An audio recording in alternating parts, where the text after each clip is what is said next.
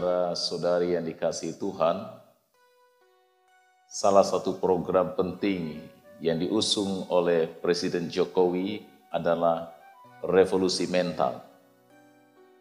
Lewat program revolusi mental ini, Presiden mengajak warga Indonesia mengenal dan kembali kepada karakter orisinal bangsa, yakni santun, berbudi pekerti, ramah, disiplin, gigih, dan bergotong royong.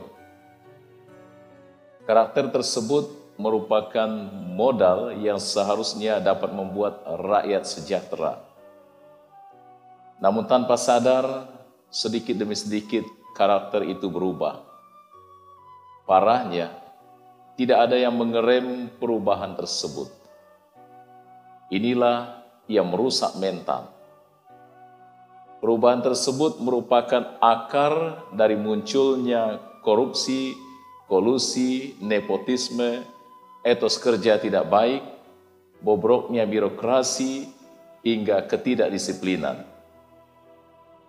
Kondisi ini bagaikan warisan tanpa surat wasiat yang merorong sendi-sendi kehidupan bangsa.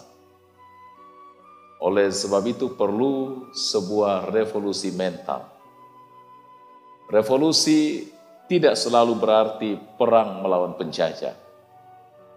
Revolusi merupakan refleksi tajam bahwa karakter bangsa harus dikembalikan pada aslinya. Singkatnya, revolusi mental berarti revolusi karakter bangsa. Saudara-saudari yang dikasih Tuhan, meminjam istilah Presiden Jokowi. Yohanes Pembaptis pada zamannya juga menyuarakan revolusi mental. Dengan lantang ia menyerukan, bertobatlah dan berilah dirimu dibaptis dan Allah akan mengampuni dosamu. Cara konkret dari revolusi mental yang digaungkan oleh Yohanes Pembaptis adalah jalan-jalan harus diluruskan, bukit dan lembah harus ditimbuni, gunung-gunung harus diratakan, yang berliku-liku harus diluruskan, dan yang berlekak-lekuk harus diratakan. Artinya harus ada pertobatan dan perubahan hidup yang konkret ke arah yang lebih baik. Pertobatan berarti mengubah cara hidup, merubah pola pikir, merevolusi mentalitas dan mindset.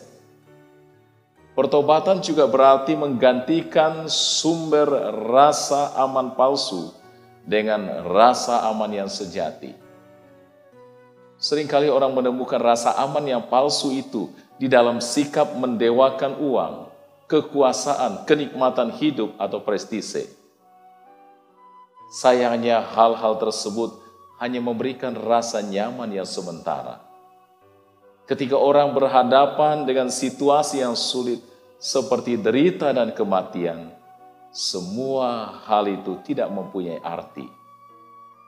Oleh karena itu, carilah rasa aman yang sejati di dalam genggaman Allah yang mencintai, mengampuni, dan selalu menyertai hidup kita. Saudara-saudari yang dikasih Tuhan, Paus Fransiskus dalam khotbahnya menulis, Natal bukan sekedar perayaan untuk mengenang keindahan suatu musim liburan. Natal adalah suatu perjumpaan perjumpaan antara manusia dengan Allah yang rindu bertemu dengan umatnya. Natal tidak akan mempunyai arti apa-apa kalau kita hanya sibuk mempersiapkan hal-hal lahiriah seperti membentuk panitia Natal dengan anggaran yang fantastis, mengirimkan kartu Natal lewat jasa pengiriman atau lewat WA, Facebook, Instagram, dan lain-lain, membeli kado Natal, membuat hiasan-hiasan dan kue Natal, bahkan berlomba membuat pohon dan kandang Natal yang spektakuler tanpa agenda untuk menciptakan perubahan atau pertobatan di dalam diri sendiri. Perayaan Natal yang rutin dirayakan setahun sekali pasti sangat menyenangkan. Akan tetapi karena rutin, kita mungkin merasa diri biasa-biasa, bahkan mungkin merasa baik-baik saja. Orang tidak merasa ada sesuatu yang tidak beres, karena itu orang juga tidak merasa perlu bertobat. Yohanes Pembaptis tidak pertama-tama berbicara supaya kita menobatkan orang lain. Dia berbicara tentang pertobatan kita secara pribadi. Bertobatlah dan berilah dirimu dibaptis.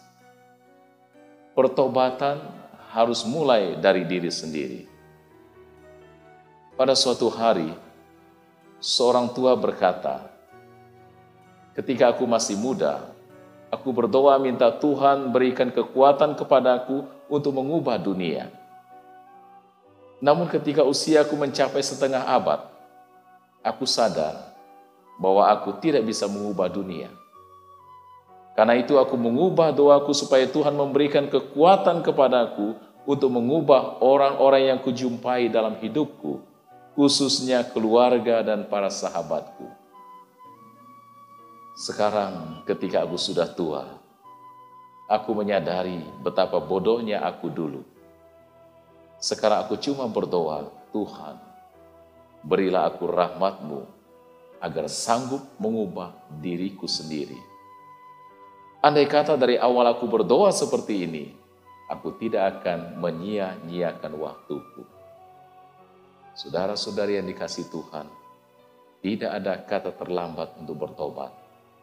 Masih ada waktu, masih ada harapan. Amin.